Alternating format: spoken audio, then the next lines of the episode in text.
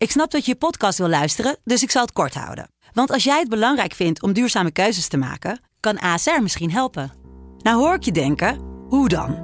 Nou, bijvoorbeeld bij het duurzaam herstellen van schade. Of de premies die we beleggen volgens ons duurzaam beleggingsbeleid. Dat bepaalt waar we wel en juist niet in investeren.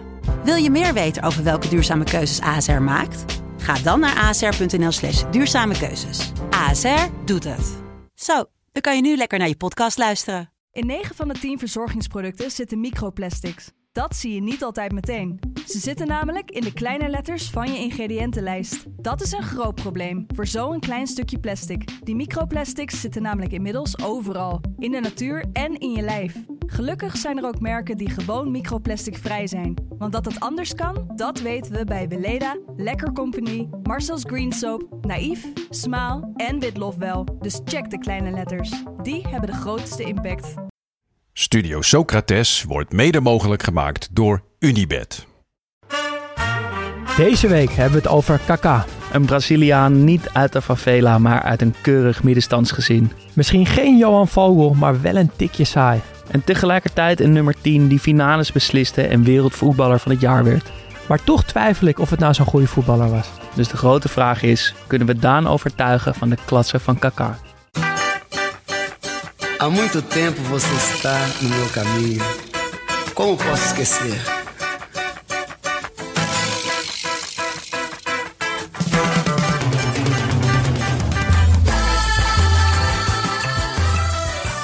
Welkom bij Studio Socrates, een podcast over alles wat voetbal mooi maakt. A beleza é você, menina. Kaka. Seen off Fletcher. He's seen off Ainsley. He's still going. It's wonderful from Kaka. Absolutely magical. in area, mette dentro il pallone, colpo di testa! Kaká, Look at that from Kaka. And what a pass too for Crespo. And what a goal that is. What a goal that is. In a Crespo again. O sorriso que dá. We zijn weer begonnen. Een nieuw seizoen, Ja, ja, ja, ja, ja. helemaal fris dan? Eh, ja. Ja, ik heb er echt zin in. Nee, ja, Daan vakantieman heeft er zin aan. Nee, ik heb er echt zin in. Ik heb eh, heerlijk vakantie gevierd en ik ben er helemaal klaar voor. Eh, we hebben geen nieuwe jingle. Nee. Eh, het, het valt Veel me podcasts doen dat. Ja, het valt me op dat elke podcast elk seizoen een nieuwe jingle heeft, maar dat hebben wij niet. Met reden ook, want volgens mij hebben we echt al by far de leukste van, eh, van het hele podcastlandschap. Ik ben er nog niet op uitgekeken. Nee, toch? Zeker niet. Ehm, maar we kunnen ook niet alles hetzelfde houden. Nee. Nee, voor degene die ons via Instagram Reels of Ja. eh, TikTok zien, we hebben een nieuw decor. Ja, het voelt een beetje alsof we in de jungle zitten. Ja, een Braziliaanse jungle, dat wel. Ja, want de twee mooie schermen met ons logo, eh, plantje zie ik achter je staan. Ehm, het voelt eh, vertrouwd, maar ook wel nieuw. Het is net iets anders dan we gewend zijn. Ehm, de inhoud, de woensdagaflevering, Nagenoeg hetzelfde. blijft redelijk hetzelfde. Ja, ja, Ja. we gaan gewoon eh, dit seizoen nog vrolijk door met, met spelers Ja. uit te lichten. Wel wat meer aandacht weer voor vriend van de show. Ik Ja, voel me daar een beetje laten versloffen. Ja, ik voel me daar een beetje schuldig over. Ja. Want toen we begonnen, eh, hebben we daar heel veel aandacht aan gegeven. En het heeft eh, een leuk aantal vrienden opgeleverd. Maar dat hebben we eigenlijk de laatste twee seizoenen een beetje laten verslonsen. Terwijl al die mensen netjes 2,50 euro per maand blijven betalen aan ons. Waar we heel blij mee zijn. Eh, maar we gaan jullie weer wat extra aandacht geven. Ja. Hoe en wat precies. Dat, dat, hoor je zo dat hoor je aan het einde van Ja. de aflevering. Ehm, Een fanshopie hebben we. ja, we hebben het al, we zijn, al een tijdje aan het gek maken het met teasen. de fanshoppie. Ja. Er staan al producten of details van producten die erin komen Ja. eh, online. We zijn nog niet helemaal klaar om open te gaan. Nee, maar het duurt niet lang meer. typische studio stijl Ehm, maar het komt eraan en we gaan het beter aanpakken dan met de mokken, dat beloven we. Ja, ja, en je gaat er echt heel veel eh, leuke producten vinden. Want ik kan wel alvast verklappen dat ik gisteren weer twee nieuwe items heb opgehaald. Eentje bij de GSM-shop op het Waterlandplein en eentje bij een interieurwinkel op de Bijkslot, in het Bijkslotermeerplein. Ehm een hele mooie Sidaan-tas. Eh, ja, en, en, en een Ronaldinho fanny pack. Nou, gewoon echt geweldige dingen. Ehm, en Dat is een grote, dat, die fanshoppie die, die loopt een beetje eh, parallel. Ja. kunnen. Ik bedoel, We hebben het er wel eens over. en We verwijzen ernaar in de podcast. Maar in principe is het een op zichzelf staande Ja, eh, pagina zometeen. eh, waar we af en toe iets vanuit verloten. ja, Maar eh, ga er vooral heen om leuke voetbal, Ja. goods. ja het, wordt, het wordt geweldig. En we gaan natuurlijk vrijdag gaan we ook weer opnemen. En die aflevering is wel helemaal vernieuwd. Ja. Ehm, We, we deden nu, vorig seizoen teasten we een beetje met een soort onderwerp wat met een speler te maken had, die we die woensdag erop zouden gaan eh, Ja. behandelen. Ehm, daar, daar gaan we mee stoppen. Was heel leuk. Ehm, maar we gaan, eh, we gaan iets nieuws doen. Ja, klein tipje van de sluier. Het heet de Studio Socrates Celasaal. En we krijgen wat hulp van Mike Snoei. De Eh, trainer van Telstar. Ja, en hoe het verder zit, dat Hoor je hoor je, vrijdag. dat hoor je vrijdag. Ehm, ja, wij gaan weer beginnen. Eh, het voetbal is ook weer begonnen. Heb je het gemist? Gewoon het, het voetbal kijken? Ehm, ja, maar ik had dat pas, pas toen ik eh, gisterenavond. Dus dit is een, we nemen dit de week van tevoren op. Dus ik zat Manchester United te kijken tegen Wolverhampton. Dat was Ja. eigenlijk de eerste wedstrijd die ik in zijn geheel heb gezien. Toen dacht ik opeens, oh wat lekker. Ja, de Wat maandagavond lekker. ook. De hè? wedstrijd zelf was, was niet veel soeps. Nee. Eh, ik had het, het vuurwerk uit het weekend heb ik gemist. Eh, maar toen pas had ik door van, oh ja, het Ja. is gewoon heel lekker. Want ik was er ook even een beetje klaar mee met het altijd gezeik in Nee, die het is ook- voetballerij. Het is maar ook toen heel, het er was, dacht ik, ja, het, het voetbal kijken is zo lekker. Ja, en het is ook, het is ook het is heel goed dat het er een aantal weken niet is. Ja. Het moet niet een heel jaar lang elk weekend tijd voor voetbal zijn. Dat kan gewoon niet. Maar dat het weer begonnen is, is heerlijk. En eh, eh, een, een goede vriend van mij, die, die eh, appte mij afgelopen weekend. Dus eigenlijk het eerste weekend dat het voetbal er echt weer was. Hij zei, hey, echt een dikke SO naar het voetbal. gewoon dat het er weer is. En zo voelde ik me ook. Ik was een beetje brakkig. We hadden samen een, een leuk feestje gehad op zaterdag. En zondag kon ik gewoon ongegeneerd de hele, hele tijd voetbal kijken. En dat was toch wel heel lekker. Zeker als je brak bent. Zeker als je brak bent. Niet te brak. Gewoon net, net dat lekkere, ja, die hele dunne lijnen zetten. En ik zat precies goed. Dus dat was heel fijn. Ehm, het is dus weer begonnen. Zijn er ook al spelers, clubs, teams, trainers, supporters, mensen die, eh, ja, die je even in het zonnetje wilt zetten, waar je van genoten hebt? ja, ik, het is misschien een beetje voor de hand liggende keuze, maar ik, We voelen hem ik- aankomen. Ik, ik heb zoveel liefde voor Noah Lang. ja, Eh, hoe die speelt nu Ja, bij ja. PSV. het eh, lijkt helemaal te het passen. lijkt, meteen toen dat nieuws naar buiten kwam, dacht ik, ja, dat, dat snap ik. Dat past goed of zo. Ik zie hem dat doen. Hij laat het meteen zien. Maar dat met in het achterhoofd houdend wat hij allemaal zei in de fantastische aflevering van de podcast Kick It Met van. Ziggo Sport, waarin hij samen met Justin Kluivert eh, te gast is. En ja, je, de, ja, je kan natuurlijk alles van hem vinden en hij doet natuurlijk ook domme uitspraken en is soms een beetje te veel het mannetje. Maar ja. wat hij zegt in die podcast over hoeveel druk er in die voetballerij op een speler wordt gelegd om een bepaald type te worden, om een bepaalde prof te zijn, ja, om in een mal te om, passen. om in die mal gegoten te worden, terwijl je grootste kwaliteit misschien wel je persoonlijkheid en, je, en Ja. je die, die eigenzinnigheid is. Dat hij, ze- dat hij zich daar ontzettend bewust van is en zegt, ja, tuurlijk is die drukker, maar ik ben Noah Lang en ik, ik kies Ja. ervoor om ook Noah Lang te blijven, want dat is mijn kracht. Dat hij dat beter ziet dan al die mensen die er een mening over hebben. Dat hij dat zichzelf durft te blijven zijn. Dat hij ja. risico's durft te nemen, dus ook in zijn spel. Dat vind ik een grote, grote wijsheid. Ja, en Eh, Sieraad, dat eh, probeer voor ik, dat is niet cynisch. Nee, of, eh, jij of, bent eh, ik serieus. ben-. Dat meen ik echt. Ik vind dat echt, echt mooi dat hij dat zegt. ik, En- heb het en idee, eh, ik heb het idee dat Noah in de buurt van je mannetje Frenkie aan het komen is. ja, dat is Ja? wel zo. Ja. ja, ja, mooi. Want dat zoiets heb ik Frenkie nog niet de, horen zeggen. Die, is, die past wat meer in die mal vanuit zichzelf. Ja. Maar, maar, is ook wel echt heel erg zichzelf. Alleen Is is, zichzelf. is gewoon eh, de ideale schoonschoon wat meer dan Noah Lang. dat is hij ook Ja. gewoon. En dat Noah Lang zo bewust daarvoor kiest, vind ik groot. Ja. Gaat hij PSV kampioen maken? Ik weet niet of Noah Lang in zijn eentje eh, PSV op die manier bij de hand gaat nemen. Maar ik, zou, ik ga mijn geld zou ik wel op Ja. PSV zetten, ja. Lekker. Nou, gaan we, gaan we, lekker, En gaan we jij dan? volgen. Nou, ik heb, eh, ja, dus, dus veel gezien eigenlijk al. Ik ben heel erg genieten van die Babadi of Babadi, die jonge middenvelder van PSV. Echt een, echt een leuk ventje en uh, een hele goede voetballer. Uh, ik vind alles wat er bij Ajax gebeurt eigenlijk heel lekker. Die transferonzekerheid en dat ze iemand van St. Pauli kopen die dan ineens volgens mij best wel goed schijnt te zijn. En een spits uit de championship. De tijden zijn echt veranderd, maar op een ja, soort van weirde, maar hele leuke manier. Paniek bij Feyenoord. Spelen één keertje gelijk, omdat ze met 10 tegen 11 komen te staan. En meteen moet er een middenvelder bij en die is slecht. En aanvaller dit en ze zo. Gewoon die chaos in het voetbal. Heerlijk dat het er weer is. Hoort Bellingham, ook wel een beetje bij Feyenoord. Ja, tuurlijk. Is lekker. Bellingham bij Real. Ja. Dat was natuurlijk de droomtransfer. En dat, nou, dat past hem uh, als een handschoen. Scoort meteen. Scoort meteen. Echt genieten. Mooie shirts ook, vind ik. Ja, vind je? Ja, ik Die vind het toch wel. Ja, Oh, omdat nee, het een beetje een soort eh, jaren negentig Ja. vibe heeft. Ik, vind het wel vet. Het staat hem in ieder geval goed. Ja, tuurlijk. Eh de Pai. Heb Met je die een goal pegel. gezien? Ja. Jezus, wat mooi. En Chelsea-Liverpool. Gewoon, te- ja, die was echt lekker. Dat kan natuurlijk ook heel saai worden, maar Liverpool speelde met negen aanvallend ingespelde spe- s- eh, spelers. Gakpo op 10 met daarachter McAllister en S-. En die kende ik wel, die laatste, maar had ik nog nooit een hele wedstrijd zien spelen. Maar echt een heerlijke voetballer. Enzo Fernandez bij Chelsea was echt steengoed.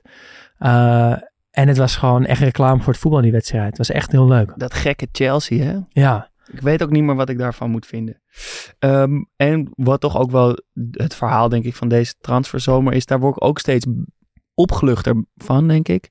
Eh, de, de stortvloed aan spelers die de stap naar het Midden-Oosten maakt. ja. En die allemaal een Rolex krijgen, had je dat gezien? Nee? Fabinho eh, werd in de mixed zone opgewacht door een fan. En die gaf niet een souvenirtje of zo. Een knuffel. of een knuffel. Maar die gaf hem gewoon een Rolex. Ja. Ja, nou Ja, ja, andere wereld. niet. Maar waar, sorry, waar ik, wilde je ik er, eh, op dit moment is het nog niet 100% zeker, maar Neymar ook daarheen. En dat was, is voor mij wel een soort van, ja, natuurlijk ga daar lekker heen, joh. Maar ik ga ze niet missen eigenlijk Nee. hier. Tuurlijk, eigenlijk zijn een- topspelers en ik geniet Ja. van ze, maar zoek het lekker uit daar. Het geeft ook weer een soort nieuwe zuurstof aan Ja. het Europese voetbal. En ik vind ook niet dat het Europese voetbal nou die de alleen recht is, heeft. ja, op dat soort wereldspelers. Alleen is het jammer dat het Saoedi-Arabië, dat die competitie dan vanwege het geld wordt gekozen, want dat heeft nul Maar je hebt eigenlijk zoiets van, Maar als je die kant van, op wil, ga Ja, maar lekker. En, lekker. ja. Ik ben er klaar mee. Het geeft ook een soort, het brengt ook iets opens, of breekt iets open. Ja. En, en daar heb ik eigenlijk wel zin in. Vind ik een mooie, mooie visie op het, eh, op het, eh, op het hele Saudi-Arabië verhaal. Ja. Nou, hebben we de hele voetbalwereld Ja, ook weer doorgenomen. Kunnen we eindelijk, eindelijk naar de eerste speler van het nieuwe seizoen gaan. Eh, die komt uit jouw koker. Wie is het geworden? Ja, het is uit mijn koker. En dat is gek, want ik heb helemaal niet zoveel met Kaka. Kaka. Ehm, Kaka. Ja, dat is hem dus. Ja, toch? Kaka. Ka- Ja. Kaka. Ja, of Kaka. Nee, Kaka, Oké. zou ik zeggen. Ja. Eh, ja, ja, die- houding is niet mooi met, die, met zijn hoofd in zijn nek. Hij is een beetje saai, glad, te knap, te gepolijst, te goed ook, te succesvol Ja. vooral. Eh, te religieus, te veel de ideale schoonzoon om van te houden. Ehm, maar in de afgelopen afleveringen zijn dat soort wereldvoetballers waar ik toch eigenlijk altijd een soort blinde vlek voor heb. Of een soort langskijk. Ja, je durfde er niet echt aan, toch? Aan die echte wereldtop. Nee. Ehm, omdat het makkelijker is om een grillige speler Ja, nee, dat is te kiezen. waar, Want die, daar zitten de verhalen, en Ja. daar zit de sappigheid en hoge pieken, diepe dalen. Maar ik vind het toch ook een goed onderwerp voor zo'n aflevering, denk ik. Want doordat, het, doordat het een beetje zo hiding in plain sight is. Ja, Kaka is gewoon... Ja, dat is Die gewoon is er Kaka. gewoon. Dat is, Ja. daar zijn we allebei allemaal mee opgegroeid. En die is er ons hele leven Ja. ook al, voor mijn gevoel. Ja, maar ik, ik weet dus, het is ook echt een blinde vlek. Ik, ik, ja, er zijn een paar acties die ik dan wel weet, maar eh, ik, het is, ik wil er iets van weten. Je wil op onderzoek uit. En dat is denk ik een goed begin voor Ja. zo'n aflevering. En eh, er was dus ook niet een moment of een fragment wat ik langs zag komen of een verhaal wat ik las eh, waarom ik het over hem wil hebben. Maar het is net als vaak dat het gewoon een soort Een hele inval. zachte fluister achter Ja. in mijn hoofd is. Kaka, kaka. Wat veel ster- steeds sterker wordt. En op een gegeven moment moet ik dan Ja. filmpjes van hem Een gaan beetje kijken. tinnitus, heet het toch? Als je die piep in je oor hebt. Maar dan, wordt maar dan met luider. kaka, kaka, kaka. Ehm, en eh, dan, ja, dan ga ik dus eh, eh, filmpjes van hem kijken en dan gaat het steeds meer leven. En ik vind het dus ook, zeg ik nu van tevoren, wel een uitdaging om het over hem te hebben, want er is geen houvast. Nee. Er is niet een... Nee, het- bij Ben Arfa vraag. weet je... be- weet je, dit ja. gaat iets opleveren. Ja, dit gaat leuk worden. En bij KK is dat minder. En Want het is, want, eh, hij is misschien dus ook wel het tegenovergestelde van de, eigenlijk de Ben Arfa's of de Socrates-spelers die we Ja, vooral nu hebben zeker. gedaan. ja, Want hij is de ideale schoonzoon. Hij is gelikt uiterlijk. ja. Hij speelt heel constant. Overal loopt hij ongeveer één doelpunt op drie wedstrijden. Eh, beetje saai eigenlijk. saai, glad, geen houvast, geen grillen. Maar we gaan het er dus toch wel, over hebben. eh, Ja. spannend ook. ja, ja. Nou ja, eh, de luisteraar weet inmiddels dat we om de week een speler kiezen. En dat is eigenlijk, eh, ja, valt niet over te twisten. Dus als jij kiest voor KK, dan heb ik me daarbij neer te leggen. Sleur ik je erin mee. Ja, maar ik heb, ik heb ook wel een beetje... Nou, sterker nog, ik denk dat dit de eerste speler is uit, uit het rijtje die we behandeld hebben... Waar ik, waar ik niet zoveel mee heb en waarvan ik denk...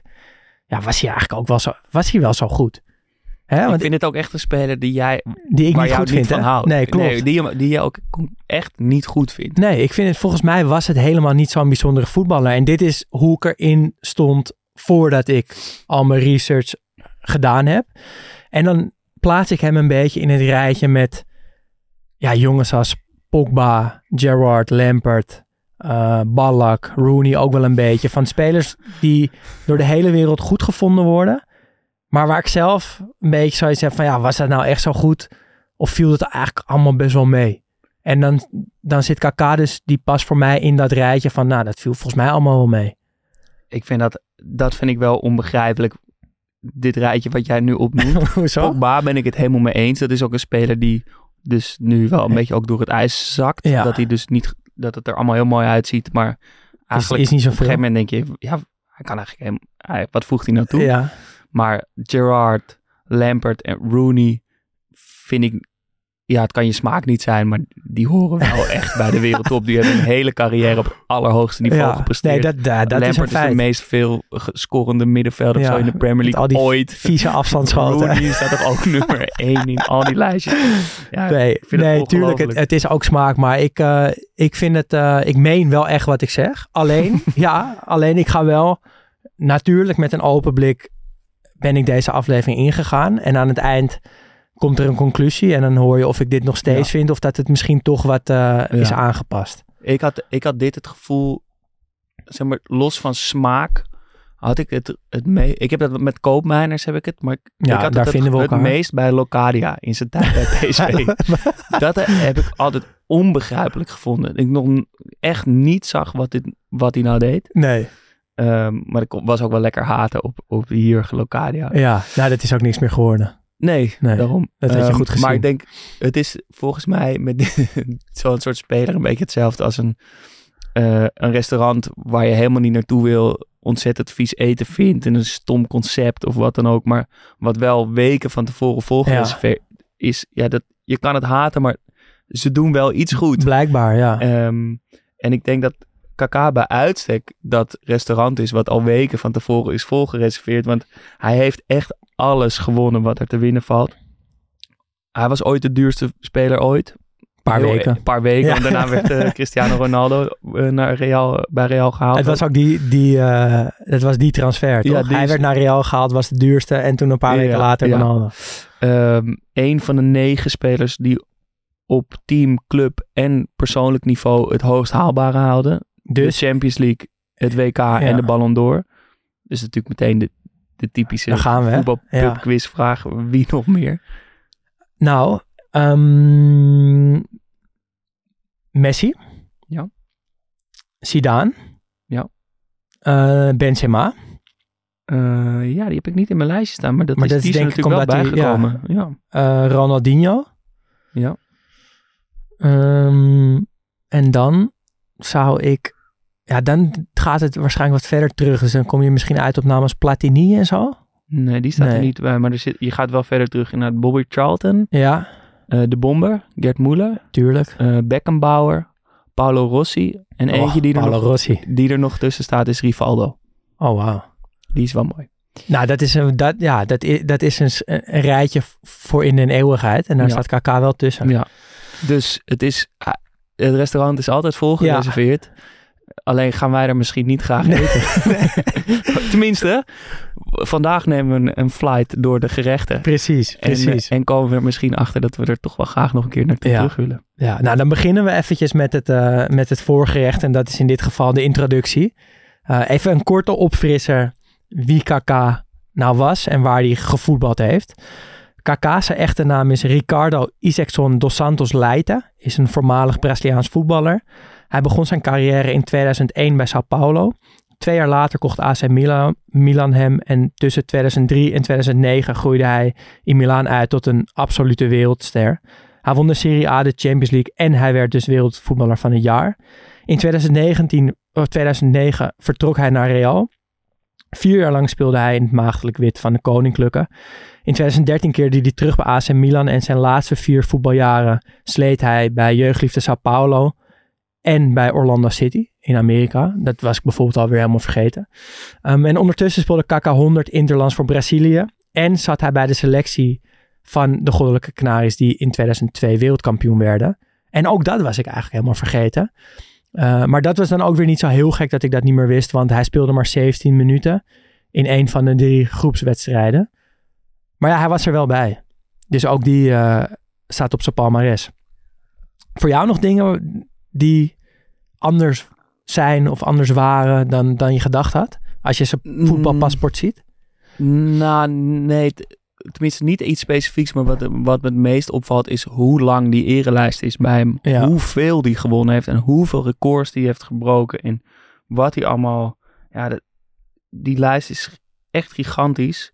Bij Sao Paulo wint hij van alles. Bij Milan wint hij van alles. Bij Real Madrid wordt hij twee keer kampioen. Of wordt hij een keer kampioen, wint hij de Copa del Rey. Met Brazilië de Confederations, Confederations Cup twee Ook keer. nog, ja. en, de, en het WK dus. En daarnaast persoonlijk is hij in elk elftal van de Serie A, van de UEFA, van de Champions League, van de FIFA, van alles wordt hij...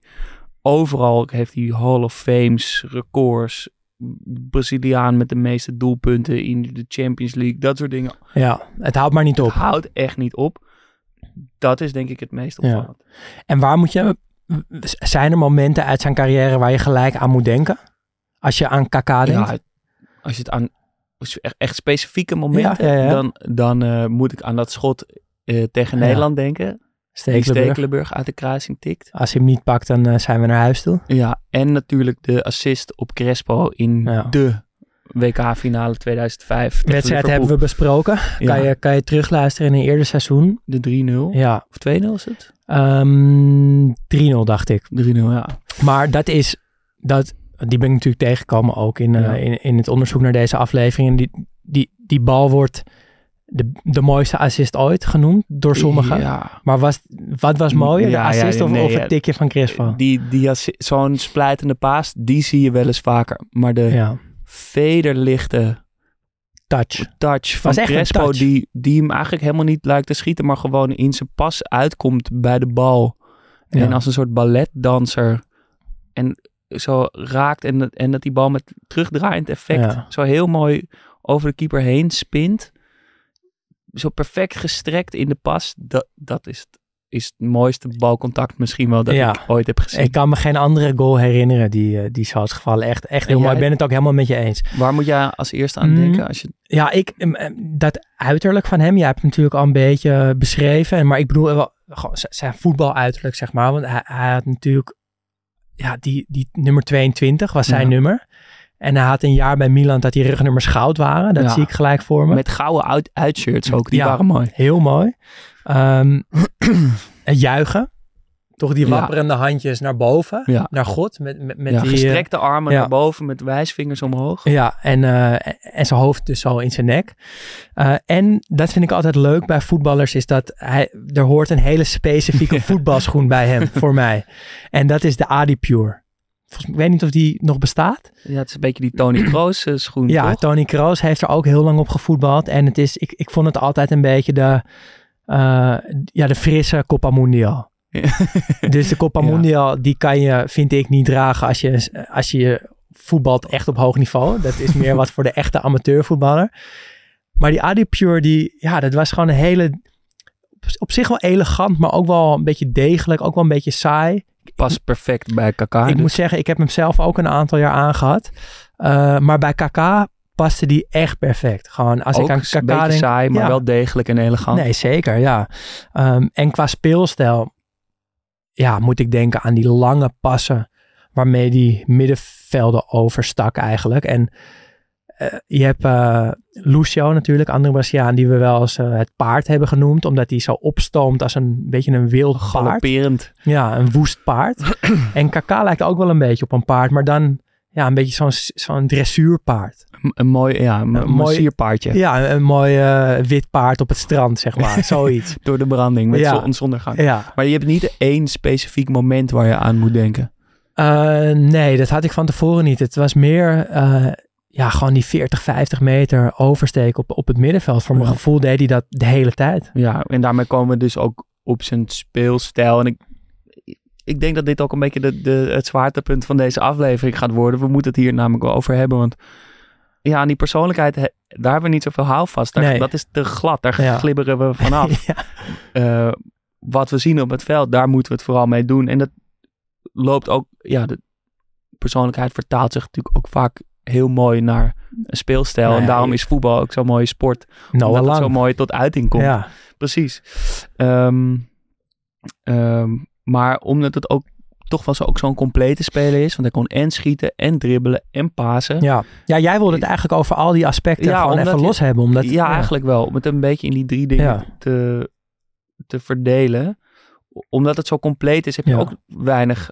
Je kan niet zeggen, ja, dat was nou bepalend voor zijn speelstijl. Nee, Alhoewel, misschien wel dat opstomende... jawel. Alleen ik ben er ook wel achter gekomen dat er, ja, dat er toch wel meer was. En eh, ja, jij, ja, jij hebt dat netjes onderverdeeld in, in, een- in een paar kopjes. Dus ik, ik, start maar, zou ik zeggen. En, en ik vul aan. Ehm, ja, het, het eerste wat mij in ieder geval opviel is hoe hard hij kon rennen.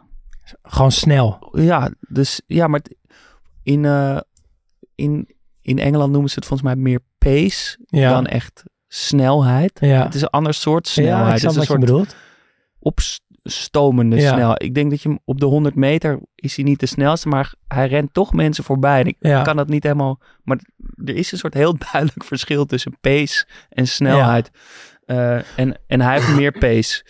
Eh, en dat, die soort, ja, is het explosiviteit, dat, die kracht erin, dat, dat verbaast me het meest, denk ik. Ja, ik, ik, ik denk, voor mij is het niet per se explosiviteit, maar er zit wel, er straalt wel, straalt wel heel veel kracht vanaf, van die, van die eerste paar passen. Ja. En hij gebruikt zijn lichaam daar ook vaak heel handig, dat hij ja, zich bijna lijkt af te zetten met zijn arm op de verdediger en dan binnen een paar seconden ja, meters van hem verwijderd is.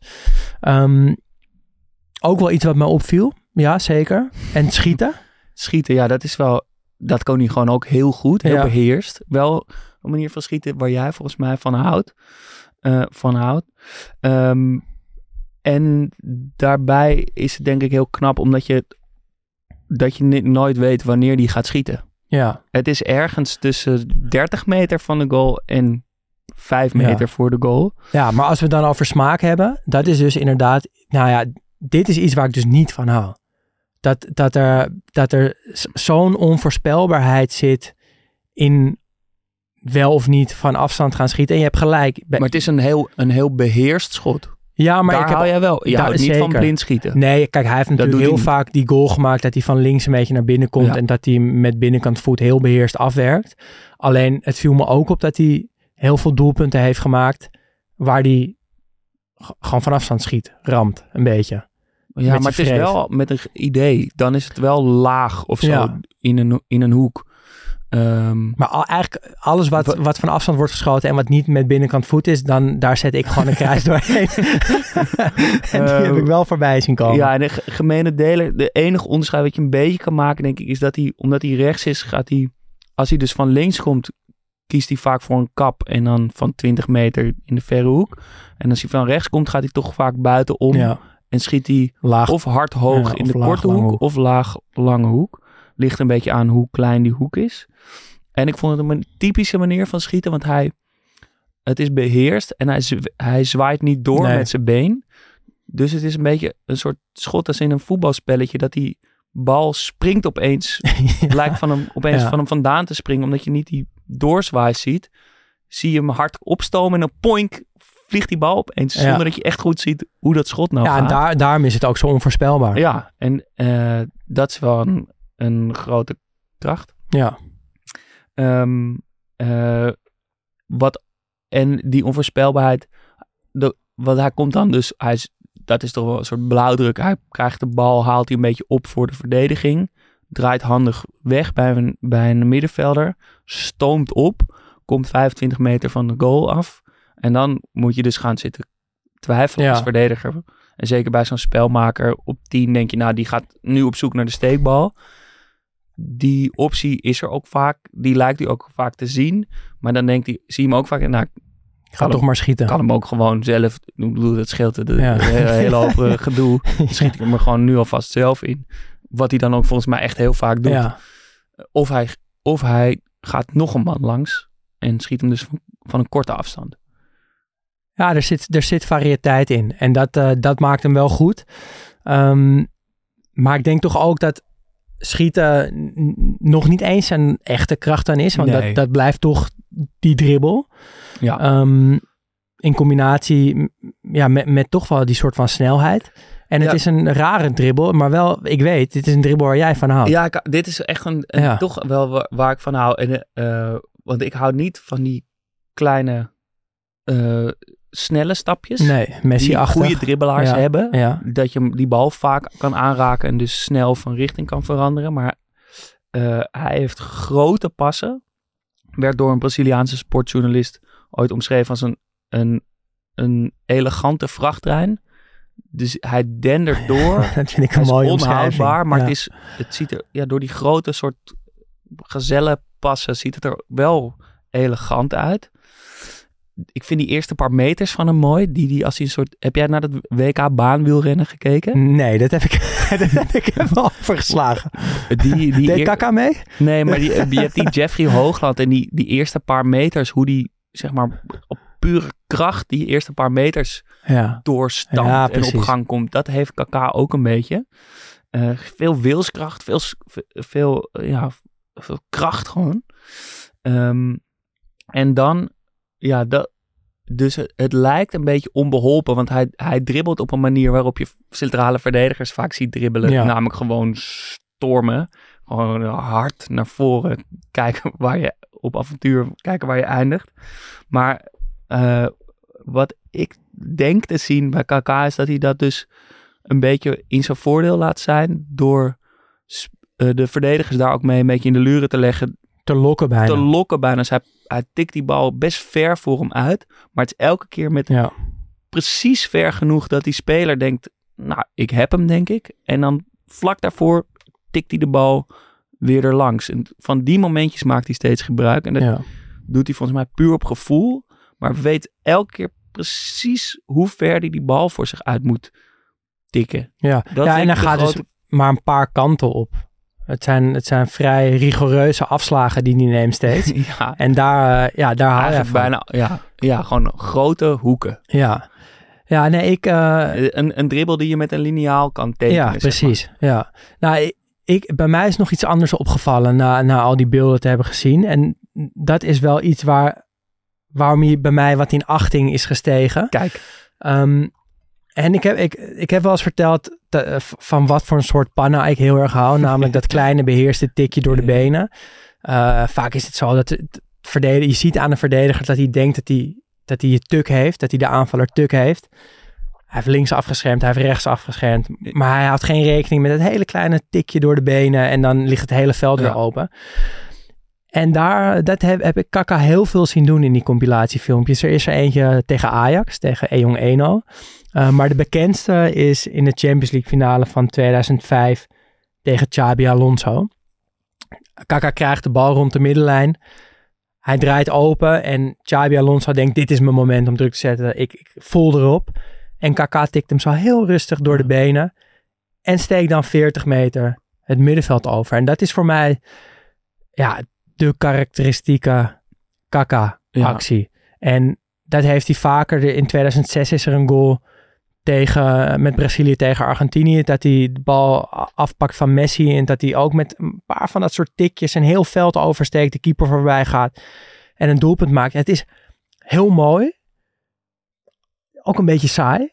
Het is een beetje saai. En daar komen we weer uit wat dan, nou, ik weet, weet nog niet of dat de kern van Kaka is, maar wel wat, ja, wat je gewoon veel ziet. Het is, het is... Ja, maar, maar daarmee is het niet eh, een slechte voetballer. Want Nee. die eerste aanname op dat middenveld goed wegdraaien is super belangrijk. Want dan krijgt Zeker. die bal met zijn rug naar de goal. ja. Ergens op eigen helft vaak. Weet Ja. dus altijd met een handigheidje, met, met intelligentie weg te draaien Ja. bij een middenvelder.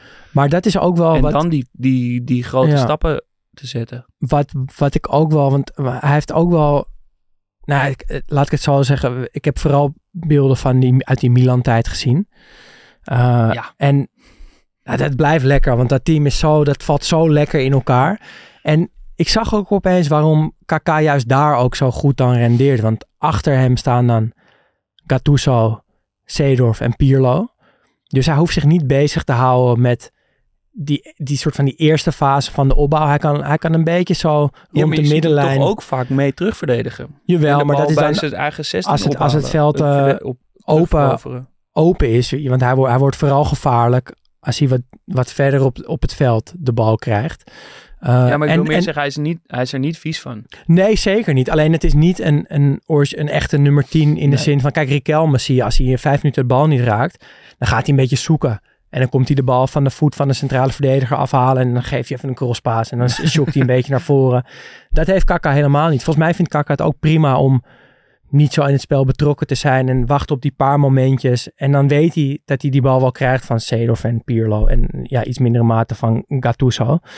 En ja, dat, is, dat lijkt me zo lekker voor hem. En dat is misschien ook wel waarom het bij Real allemaal wat, wat minder ging. En dat het bij Milan gewoon ja, perfect paste.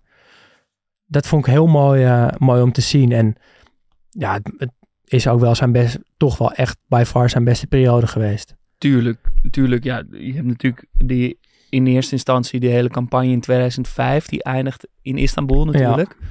Eh, Maar vooral ook daarna in 2007 de wraak eh, daarvan. Waarin hij Allebei In finales allebei tegen die- Liverpool. ja, in, in allebei die campagnes en vooral ook in die finales belangrijk is. Ja, en dat en is dan wel ook eh, wereldvoetballer wordt. iets, hè, want ik ben nog steeds aan, aan de stoeien. Vind ik hem nou goed of vind ik hem niet goed? Maar die compilaties van die finales, je hebt compilaties dat je gewoon alleen de acties van Kaka op een rijtje ziet staan. En in allebei die finales was hij echt steengoed. De eerste helft tegen Milan of tegen Liverpool in 2005 is echt een piekmoment. Maar in 2007 was hij misschien wel nog Was beter hij nog belangrijker. nog belangrijker. Dat is ook het jaar dat hij de, de gouden bal wint. En die Athletic heeft daar een mooi stuk over geschreven. Over waarom Kaka in 2007 nou ja, toch wel echt de beste van de wereld was. En dat vond ik ook wel, dat was echt mooi opgeschreven. Want er was een soort van vacuüm in, het voetballandschap. Want Zidane was, was net gestopt. Eh, Ronaldinho voetbalde nog wel, maar die zat meer met zijn hoofd op eh, Copacabana. Eh Cannavaro had wereldvoetbal, had de Ballon d'Or gewonnen in 2006, maar is natuurlijk niet iemand die dat jaren achtereen gaat winnen. Dat was ook echt zo'n heel, ja, een piekmoment van een verdediger. Eh Netvet, Rivaldo, Figo, allemaal een beetje mid 30. Dus er ontstond ruimte voor een nieuwe superster. En Messi en Ronaldo waren allebei Die klopte wel al op de deur. 20, 22 jaar. Klopt op de deur, maar waren nog niet de allerbeste. En Kaká greep dit moment aan om de wereld te tonen dat hij op dit moment de allerbeste was. En de mooiste wedstrijd om dat te, ja, waar je dat zag, was denk ik Manchester United uit. Halve finale Champions League. Eh, waar het eh, 3-2 wel wordt voor, eh voor Menu. Milan maakt het een week later goed, gaan naar de finale, winnen uiteindelijk de Champions League. En daar maakt Kaka twee goals die allebei echt heel mooi zijn. En die allebei ook hem laten zien als voetballer. Eentje dat hij de bal aanneemt tussen Scholes en Heinz door één aanname. Ja, hij, hij wordt weggestoken, Ja. maar hij staat eigenlijk nog in een, in, tussen heel veel verdedigers in. Ja, en dan met één aanname die 4, 5 meter voor hem uit is, sprint die Scholes en Heinz eruit. Links diagonaal werkt hij af bij Van der Sar. En die andere goal, die, die zullen veel mensen wel kennen, wordt hij diep weggestuurd, tikt hij de bal over Heinz heen. Evra komt naar binnen, wil corrigeren, maar Kaka kan hem net nog tussen hun doorkoppen. Ja, zij, zij- botsen zij- tegen elkaar ja, aan. dat is prachtig. En hij komt één op één met Van der Sar en werkt hem nu met rechts heel beheerst eh, binnen. Ja, en dan maakt hij dus in de finale af met, een, eh, met nog een assist op Inzaghi en weer heel goed spel. Ja, die twee keer eh, scoort. Ja, ik Ja. vond die, die eerste heeft meer een soort subtiele schoonheid. Maar ik vind Ja. die tweede do- doelpunt, dat, die, die herinnerde ik me ook nog wel echt. En die, dat is zo, wel zo'n goal waarin, waarin een, een speler het gewoon het doet. Het Ja. laat zien, ik ben de grootste, ik ben de beste. Maar Ja. het is een hopeloze diepe bal waar, die die eigenlijk tussen drie man, drie wereldspelers te hoog opstuit. Het ook. Hij kan er niks mee. Hij wordt op een, op een kansloze missie gestuurd met die bal eigenlijk. En dan maakt hij er gewoon een doelpunt van. Ja, Dat in, en dan op zo'n moment is... Dan laat je volgens mij wel zien van ja, ik, ja kom maar. Ik, ik, ik doe het gewoon. ja en zo, maar zo wordt er dus ook op teruggekeken nu. En dat, eh, ja, dat is op, eigenlijk wel een teken van een, van een grote speler. Dat je piekt op die momenten dat het moet. En dat heeft Kaka dus in die Champions League finales wel echt gedaan. En halve finales. En wie in, in die halve finale ook piekt met twee doelpunten is, is Rooney. Ja, ja. Nog zo'n restaurant wat altijd vol zit. Eh, scoort ook twee keer, waaronder nog eentje in blessuretijd. Heerlijke goal. doelpunten. Ja. Heerlijke samenvatting Ja. sowieso. Echt Ja, geweldige stop. wedstrijd. 3-2. Ja. Kijk hem even terug. Ehm, jij noemt deze Milan-periode je favoriete periode. Ben ik het natuurlijk ook wel mee eens, want dit is zijn hoogtepunt. Maar mijn hart ligt bij 2006. Eh, Brazilië. We hebben ooit de hele wedstrijd tegen Frankrijk teruggekeken. Die was waardeloos. ja. Maar de groepsfase is toch wel de moeite waard. Want Brazilië had te veel goede aanvallers.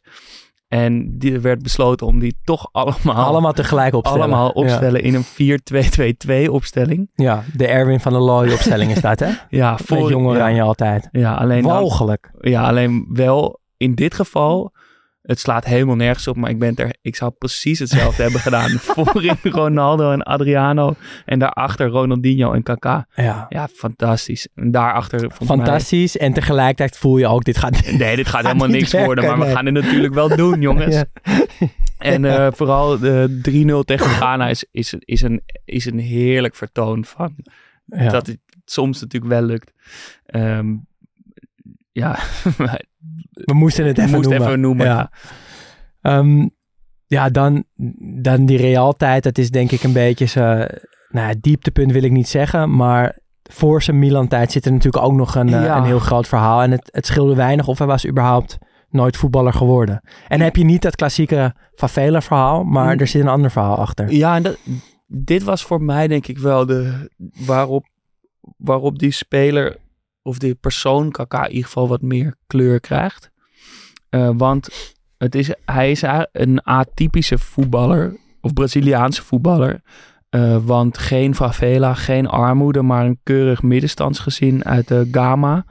Een stad eh, die dicht bij Brasilia ligt. Dus dat, dat zijn al die nieuw gebouwde steden waar de hele Ja. ambtenarij en zo van Brazilië wonen. Kaka had natuurlijk ook net zo goed een ambtenaar kunnen zijn als je hem ziet. Als je hem ziet. Ja. Nou, wel een knappe. en zijn vader was ingenieur. Zijn moeder les, eh, gaf les. Eh, hij zat op een privéschool. Dat is natuurlijk een rare... Ik bedoel, dat kan natuurlijk...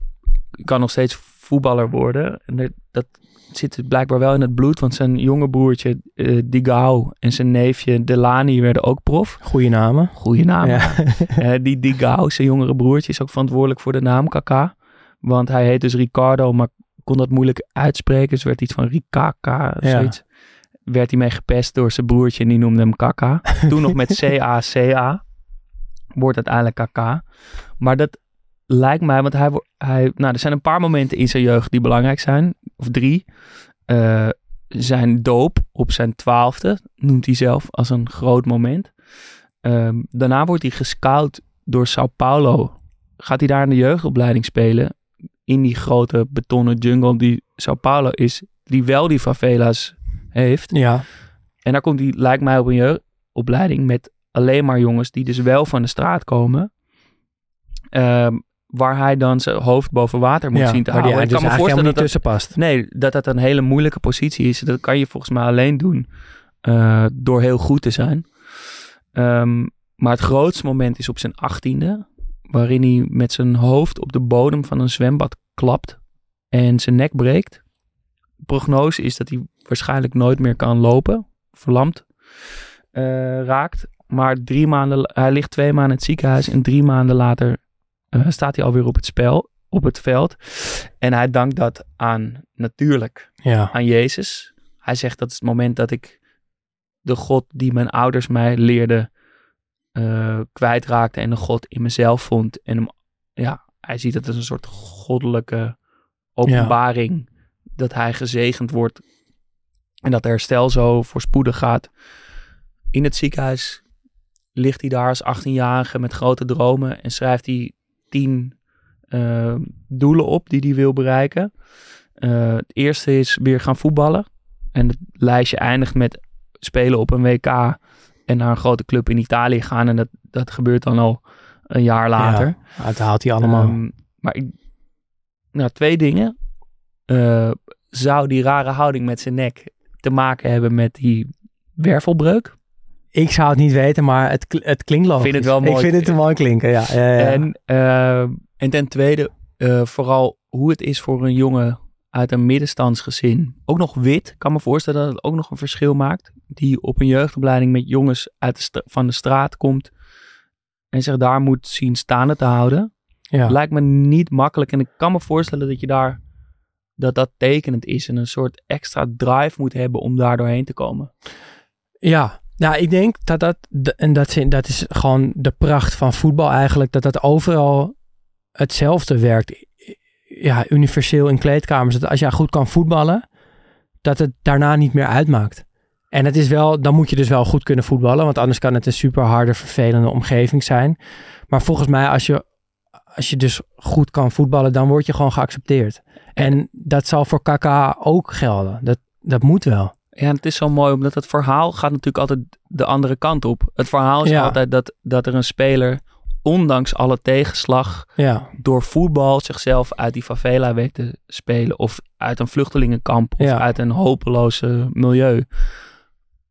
Maar eigenlijk, wat KK dus daar moet doen, is, is een soort dubbele. Of, ja, ergens heeft hij natuurlijk een makkelijkere jeugd gehad, maar misschien moet hij op zo'n jeugdopleiding juist wel harder vechten. En is het een soort, Ja, moet hij weer geaccepteerd is het een worden. soort ja. staat het daar haaks op en daarom ook een mooi verhaal van weerstand overwinnen. Nee, zeker. En ja, ja, Brazilië is een, wat dat betreft een moeilijk land. Een super racistisch land ook.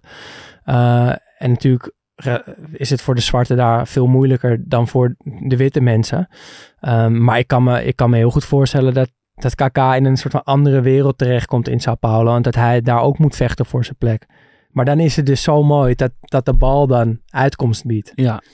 Eh, mooiste moment wat ik vond in zijn eh, Sao Paulo tijd is de finale van het eh Torneo Rio Sao Paulo 2001. Dus dat is de, er is een soort binnen Brazilië een grote prijs van de kampioen van de regio van Rio tegen de kampioen van de regio Sao Paulo.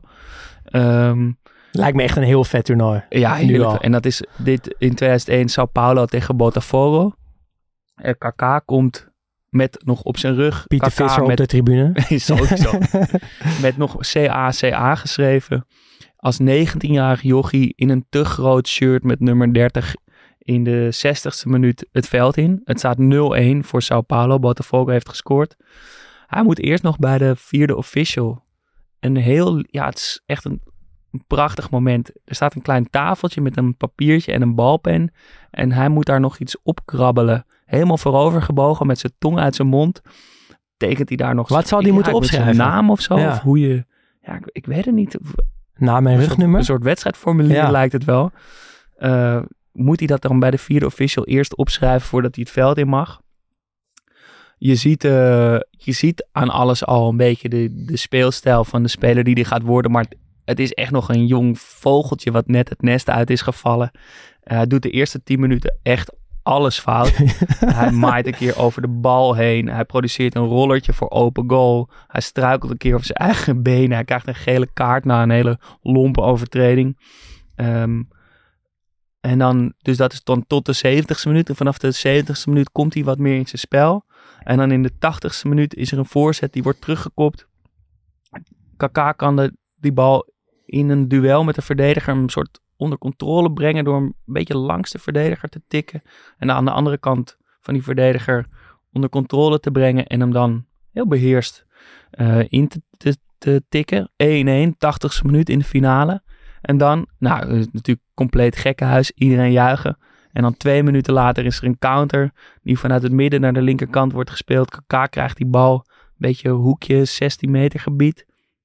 Hij kapt niet echt, maar hij houdt meer een beetje in. Ja. Verdediger schuift voorlangs. voorlangs. En dan weer die hele volwassen manier van die bal gewoon zo langs de keeper in de verre hoek schuiven. Vuurwerk in Ja. het stadion Zo mooi. hij wijst wel een beetje naar boven, maar het zijn nog een beetje wapperende handjes. Ook in de manier Nou, maar van die, die, die zie ik soms ook later wel terugkomen hoor. Dat hij toch.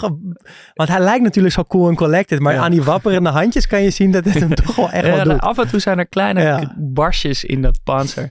En iedereen wordt gek, hij wordt bedolven. Je ziet hem daarna die laatste tien minuten ook nog alleen maar een beetje met een soort wezenloze blik over dat veld heen kijken van gebeurt dit echt? Ja. Ehm, Misschien en wel een Sao- mooi Sao Paulo moment. wint eh, 2-1. Misschien wel een mooi moment dan die Champions League finale hoor. Misschien wel. Toch? Zou hij dat misschien wel denken als je zo later op je carrière terugkijkt en dan Nou, het is, nou, ik weet, het is ook nog te veel een soort Jairo Riedewald moment. ja, oké, omdat bij het je- betekent bij je nog zo weinig. twee keer die bal per ongeluk Ja. voor je voeten krijgen, is het een beetje, het doet echt te veel Ja. fout. Eh, die Champions League finale, dan is het echt, Daar is hij volwassen geworden. Ja, dan- ja. dat is mooier, want dat, die weg daar naartoe, die leidt echt daar, naar dat punt. Ehm, dat is dus de- het hoogtepunt. Het dieptepunt, zou je kunnen zeggen, is die tijd bij Real. Dat komt natuurlijk door blessures. Daarmee verliest hij die eerste, die explosiviteit op die eerste meters. En dan ja, vervalt er natuurlijk een groot deel Zeker. van die speelstijl. Ja. Ehm, hij wilde ook niet weg bij Milan, maar Madrid biedt dus 70 miljoen. En Milan kan dat in die tijd nog niet meer weigeren. Ehm, Blijft ook zo raar. Hè? Dat, dat als, je speler, als je speler niet weg wil, dat je daar dan gewoon niet zo heel veel over te zeggen hebt. Als Ja. er dat, dat soort geld op tafel komt. Ja, en je helpt je. Het is ook een beetje die Tommy Beugelsdijk dilemma, toch? Wil ik bij mijn droomclub Ja. spelen of wil ik mijn club helpen met Ja. het geld wat ze aan me kunnen verdienen? Ja, ja, ja. ja, ja. Eh, vanuit liefde vertrekken. als je echt van de club houdt, moet je gaan. Dus ja, eigenlijk. precies. Vanuit liefde vertrekken. Ja, dat is ook mooi. Ja. Eh, hij speelt vier seizoenen waarin hij toch wel 120 keer in actie komt. 29 keer scoort, 30 assist geeft. Mooie En verhouding met elkaar. Daar hou jij van. Eh, en de beste wedstrijden zijn die wedstrijden van Real tegen Ajax in de Champions League. waren pijnlijke tijden hoor, voor de Nederlandse voetballiefhebber. Want je, je, je- de vraag was, wordt het 3-0 of 4-0? Ja. Misschien 5-0. Er was echt, Ja, Geen schijn van kans. Tobias Sana, ja, die, eh, die stond in de basis. mooi mij. Sander aanvoerder geloof Mooi ik. Sander, ja. Eh, maar ook wel al de wereld en eh, blind. Ja. Ehm, daarin laat hij wel die speler zien die hij is. Hij is echt overal. Komt de bal voor de verdediging halen. brengt hem over het hele veld naar de, naar de aanvallers toe. Hij is altijd aanspeelbaar tussen de linies. Duikt op in het midden. Eh, aan de linkerkant, helemaal aan de zijlijn. Aan de rechterkant aan de zijlijn. Hij maakt loopacties het strafschopgebied in. Overal controle onder druk. Wegdraaien, rust bewaren. Doorschakelen. O- die onvoorspelbaarheid zit heel erg in. Je, je weet echt niet wat hij gaat doen. Ehm, en met de goal tegen, die hij maakt tegen Ajax... wordt hij ook nog eens Braziliaans topscorer in de Champions League. Eh, Mooi elftal ook met Ronaldo en, eh, en Benzema in die, in die donkergroene Real ja, shirts. hele mooie shirts. Ik kwam die laatst tegen toen ik een beetje eh, ja, lekker aan het scrollen was en aan het zoeken was naar mooie voetbalshirts. En ik, ik was dit shirt helemaal vergeten. Volgens mij was hij heel duur om hem te kopen.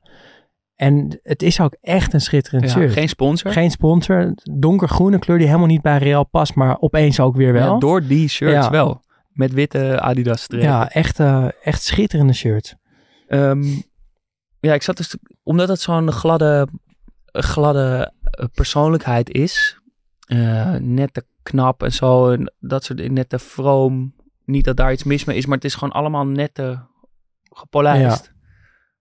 Zat ik zo naar, te kijken van wat is dan het dieptepuntje? Wat is het rafelrandje? Waar, waar zit Waar er- kunnen we hem waar pakken? Kunnen we nog, waar, waar geeft hij ons een Ja. soort inkijkje? Maar Ja. zeg maar dat barstjes in dat panzer.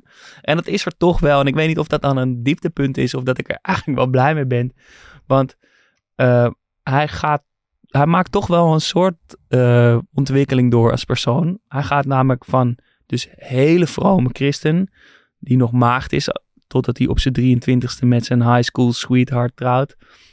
Zijn lievelingsboek, de Bijbel, zijn favoriete muziek, gospel. Ja, je Eh, krijgt wel lid een van de beetje, eh, Rebirth Christ of het Christ Church in Ja. Sao Paulo. Van dat soort perfecte plaatje maakt hij toch een lijn naar nog steeds vroom christen. Niet meer onderdeel van een kerk. Gescheiden van zijn vrouw. En nu samen met supermodel Carolina Diaz. Voor alle luisteraars die meteen gaan googlen. Het is Diaz met een S. Eh, en dat is toch wel echt een dieptepunt. Aanhanger van Bolsonaro heeft zijn steun uitgesproken. Ja, maar al die, bijna al die Brazilianen, tenminste voetballende Brazilianen, die stemden op hem. Ja, maar dat is toch, Walgelijk. een- walgelijk en een krasje in, Ja. dat, eh, in dat gepolijste uiterlijk. En vooral die scheiding met zijn vrouw en dat hij met een supermodel is Ja. gegaan, vond ik toch heel wel prettig om te lezen. Niets menselijks is hem vreemd, hè? Dan nee, toch. nee, nee, nee. Het is, zie, je maar. Ehm, ik denk dat het dan tijd is om de vraag te beantwoorden Ja. die jij in ieder geval aan het begin van de aflevering zeg, opwierp. Ja, je of houdt hij- niet van hem, of hij, jij vond hem dus niet zo goed. Nee, nee. dat het niet onze smaak is, oké. Maar vond je hem dus ook echt niet goed? Nou, ik moet eerlijk bekennen dat ik geen fan ben geworden. Ik dat ook. niet. Uh, maar hij was wel in een aantal dingen toch wel beter dan ik me kon herinneren. Um, dus hij, hij, die, dat het middenveld oversteken, dat wist ik. Maar ik zie hem ook wel heel veel goede keuzes maken ro rondom de 16. Uh, ik zie hem in twee finales, belangrijke momenten, echt heel goed voetballen. En dat was ik een beetje kwijt, als ik eerlijk ben. Uh, maar het blijft toch ook echt een smaakding, voetbal. En het is niet, Kaka is niet mijn smaak. Kijk, hij, Nee, ja. volgens mij wordt hij, Maar wordt hij goed als, hij, als de ruimtes groter worden. En ik hou juist van spelers die goed zijn als de ruimtes wat kleiner zijn. Als voetbal bijna een soort van wiskunde wordt. Als je heel precies moet gaan uitdenken, oké, hoe, hoe kom ik hier doorheen? Maar denk wat je is niet de meest ruimtes- logische manier om, om hier doorheen te komen? En Kaka wordt volgens mij dan wat, wat minder goed. En ik denk dat die manier van voetballen in grote ruimtes, dat dat wat makkelijker is dan voetballen in wat, in wat kleinere ruimtes. En dan heb ik het niet over Messi-achtige tafereelen als het echt op de vierkante meter moet. Maar een beetje dat, ja, dat tiki-taka, Barça, Man, Man City voetbal, dat is misschien een beetje saai ook wel, maar dat is toch wat ik het allermooist vind. Maar denk je niet dat En hij past daar niet ook in. juist heel goed is omdat hij die ruimtes weet te vinden? En daarom lijkt alsof hij altijd in die ruimte heeft. Want hij, hij wordt wel vaak aangespeeld op, met onderdruk. Ja. En weet dan open te draaien en weet ruimtes te vinden. Hij is, zeker in die wedstrijd tegen Ajax zie je zo goed hoe hij elke keer tussen de linies... Ja, maar dat zijn Eh, wel tussen de linies waar, waar, Ja, oké, waar, ja, waar het is dat- dat gigantische Ajax, maar- maar gaten je- vallen. Je ziet hem wel dat hij de hele tijd zorgt dat hij die ruimte ook heeft. En daar duikt hij dan ook met zijn dribbles in. Ja. Dus- nee, tuurlijk. Tegelijkertijd, ik snap wat je bedoelt, maar... eh, Ja, maar ik moet wel, kijk, ik, ik heb hem in het lijstje gezet van eh Lampert, Gerrard, Ballack en Pogba. En Rooney. En Rooney. Ja, je krabbelt al een beetje terug. Eh, en Rooney, inderdaad. maar ik, kijk, wat hij in die twee finales heeft laten zien. eh, en dan niet alleen effectief met goals en assists, maar als je gewoon die beelden ziet. Ja, dan was het geen slechte voetballer. Ik weet niet of ik hem nou een slechte voetballer heb genoemd aan het begin van de uitzending. Nou, een overschatte voetballer. Ja, een overschatte voetballer. Misschien over zijn gehele carrière vind ik dat nog steeds wel. Alleen ik moet zeggen dat zijn, dat zijn hoogtepunt, zijn piek, dat jaar 2007, eigenlijk 2005 tot en met 2007, dat dat beter was dan ik in gedachten had. Uh, en dat ik hem toch wel uh, wat meer ben gaan waarderen. Dat wel. Dus hij hoort niet in dat rijtje. Nee, hij mag uit dat rijtje van mij. En dan gaan we er ook nog voor zorgen dat Rooney er een keer uitgestoten wordt. ja. ja, nee, dus dat, uh, dat is denk ik toch wel een mooie conclusie dan voor Kaka. Ja, en ik vind het, ik bedoel, het is helemaal, helemaal niet erg om niet fan van zo'n zo'n speler te worden, maar die reis doormaken om dat te onderzoeken en al die, eh, al die luikjes open te doen en te Ja. kijken van waar zit dat dan of zo en, de, en eh, zo'n beeld van zo'n speler te krijgen, dat is ook al goed. Ja. ja, en het is ook wel leuk, want ik zat ook nog een beetje te denken van wie, wie nu op de velden s- lijkt dan een beetje op hem. En daar, daar kon ik ook niet echt een, eh, heel snel een antwoord op vinden. Ze zullen er ongetwijfeld zijn, maar ik, er kwam niet iemand die zo even naar boven popte. En dat vind ik ook altijd wel een goed teken. Dat het toch een beetje een unieke speler in zijn soort is. Ja. En een speler denk ik vooral ook waar coaches heel erg van houden. Die Ja, die dat bal denk ik wel, ja. van verdediging naar aanval kan brengen. Ja, die betrouwbaar zijn. ja Die constant. leveren. Ja. Eh, het is natuurlijk wel, ja, En dus ook een beetje saai. Dat is, En dat is, is dat is de, de wederkant. Oké, dat, eh, Ehm, dat was Kaka. ja. En dan normaal gesproken zou, zou het ongeveer afgelopen zijn. Maar we gaan, eh, we, we gaan het hebben over, eh, over, over onze fanshoppie. Ehm, en dan vooral over vriend van de show. Eh, want die twee gaan we in ieder geval op de woensdag een beetje aan elkaar linken. En daar wil ik even wat over zeggen. Want we hebben vriend van de show dus lange tijd verwaarloosd. Ehm, we gaan dat weer oppakken, die draad. En het is wat minder handig, hè? Die, die items verloten via vriend van de show. Eh, want je moet vriend van de show worden. We zitten een beetje vast aan dat platform. Het is natuurlijk veel makkelijker om dat via Instagram te doen. Maar daar wil ik wat over, eh, toch even iets over kwijt. Want die podcastmarkt is behoorlijk veranderd sinds wij eh, dit doen. Ehm, er is weinig ruimte voor wat kleinere podcasts. En wij zijn, eh, nou niet heel klein, maar wij zijn ook geen core podcast en ook geen NOS voetbalpodcast. We zijn wel een stukje kleiner dan We dat. zijn wel niche ook. We zijn een beetje we, niche. we kunnen het ook eh, anderhalf uur over eh Riquelme hebben. Dus Ja, kan je wel zeggen dat we, dat we niche zijn. Ja, en bij heel veel partijen moet je of een BN'er zijn of gigantische luistercijfers hebben. Anders ja, mag je niet meer meedoen. En nu ben jij natuurlijk wel een halve BN'er. Oh, maar, maar, niet, maar niet de podcast BN'er die Nee. ik bedoel. Jij bent ook de halve pro- profvoetballer. Ja, ja, ja, ja, ja. Maar dus ik wil alleen maar even zeggen, wij kunnen jullie eh, donaties van Vriend van de Show echt heel goed gebruiken. Want het wordt steeds moeilijker om, eh, Ja. om dit aan mijn vriendin eh, te verkopen. dat ik hier toch wel echt een dag per week volle bak mee bezig ben. Eh, en afkicken geeft ons de kans om dit gewoon te blijven maken. Eh, dus heel erg lief aan afkicken. Maar we kunnen jullie donaties ook gewoon goed gebruiken. Dus als je ons nou leuk vindt. eh, als je dit elke week met plezier luistert. neem eens een kijk op Vriend van de Show. En word vriend. Kost 2,50 euro per maand. Dus is 8 cent per dag geloof Ja, ik. je kan kiezen. eh, Ja, je kan ook losse bedrag. donaties Je kan doen. een eenmalige eh, donatie of een maandelijkse donatie. Ja. En die begint bij 2,50 euro. Daar ja, zijn we en wel heel blij mee. we hebben eh, al in al die jaren eigenlijk eh, jullie niks teruggegeven voor, voor, voor dat zijn van Vriend van de Show, of Nee. tenminste een beetje weinig. En daar willen we nu verandering in brengen. Dus we gaan elke week een item uit onze fanshoppie weggeven via Vriend van de Show. Aan vrienden van de show. Ja, dus je, als je vriend wordt en eh, reageert op de post die eh, op Vriend van de Show online komt, dan maak je gewoon automatisch kans op, eh, op het item wat we weggeven. En dat is dus vriendvandeshow.nl slash Studio Socrates. Ja, dus zo hopen we dat jullie vriend van de show allemaal worden. En ja, we gaan jullie dus ook wat voor teruggeven. En deze En week... Ja, Het is echt een... We betrappen wel af met een, Ja. met een knaller. het is, eh, deze week gaan we weggeven via vriend van de show een Ronaldinho fanny pack. With price tag. Ja, met, met het prijskaartje er nog aan.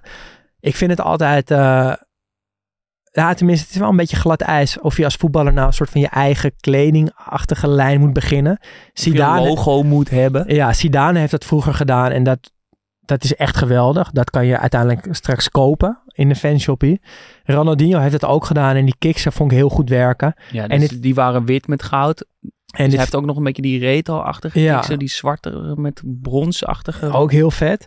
Maar dit fanny packje werkte ook heel goed. Het is eh, een zwart tasje met, met goud zijn logo erop. Ja, dat is zijn handtekening Ja. gewoon, met die mooie krul er. Ja, en eh, ja, het festivalseizoen is nog bezig. En je hoort er niet meer bij tegenwoordig als je, als je geen Nee. fanny pack draagt. Eh, maar je moet toch een beetje, een beetje laten zien wie je bent met zo'n Precies. met zo'n item. Dus eh, ja, deze gaan we weggeven. Het enige wat je hoeft te doen is vriend van de show worden. En even reageren op, eh, op de post die we daar online zetten. En dan maak je meteen kans. Dus doe dat. Precies. En dat gaan we elke week doen. Dat gaan we elke week doen. Ehm, maar ondertussen, hij is nog steeds niet online. Eh, Tenminste, hij is wel online, maar nog niet is- echt open. Hij is nog niet... Nee, de, de pagina is er. Je kan hem al volgen. Fanshoppie op, eh, op Instagram. Ja, at fanshoppie. Ehm, daar komen die allerlei items op. Eigen merchandise, eigen dingen die Ja. een beetje parallel aan de podcast lopen. Niet per se er echt mee te maken hebben. Nee, maar we zullen het er wel soms over hebben. En eh, die, die, die shop gaat bijna open. Ik zou volgende week of heel misschien de week daarna, maar het duurt niet lang meer. We zijn druk bezig aan de achterkant. Ja, dat is toch allemaal een, een hoop geregeld. Maar we willen in ieder geval dat het goed staat. Voordat Ja. we weer een heel mokken, mokken verhaal eh, krijgen. Ja, maar hou dat in de gaten. Hou dat in de gaten. Vrijdag zijn we er weer met dus onze vernieuwde eh, Studio Socrates Celesao afleveringen. Ja, Hebben we heel veel zin in. heel veel zin in. Eh, en vandaag eh, zijn we klaar, denk ik, hè? Vandaag zijn we klaar. We zijn eh, begonnen aan een nieuw seizoen. En ik heb nu al zin in de speler van volgende Ja. week. Ik ook.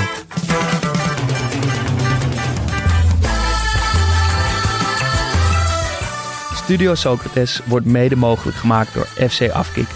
We zijn te vinden op Twitter en Instagram studio-socrates.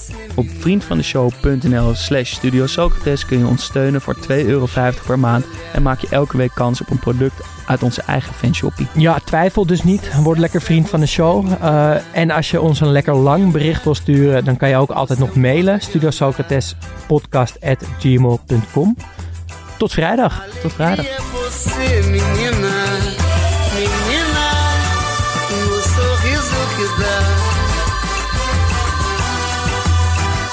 Vendaval por amor, menina, menina, todos querem te amar.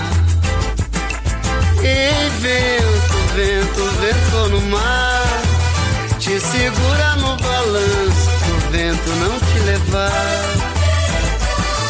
Ei, vento, vento, vento no mar Te segura no balanço pro vento não te levar Já sei que não vai ter jeito pra poder te conquistar Se você olhar pra mim, menina, vou te amar Já sei que não vai ter jeito pra poder te conquistar Se você olhar pra mim, menina, vou te ganhar. Ei, vento, vento, vento no mar. Te segura no balanço vento não te levar. Ei, vento, vento, vento no mar. Te segura no balanço pro vento não te levar. Como posso te esquecer? Não tem jeito.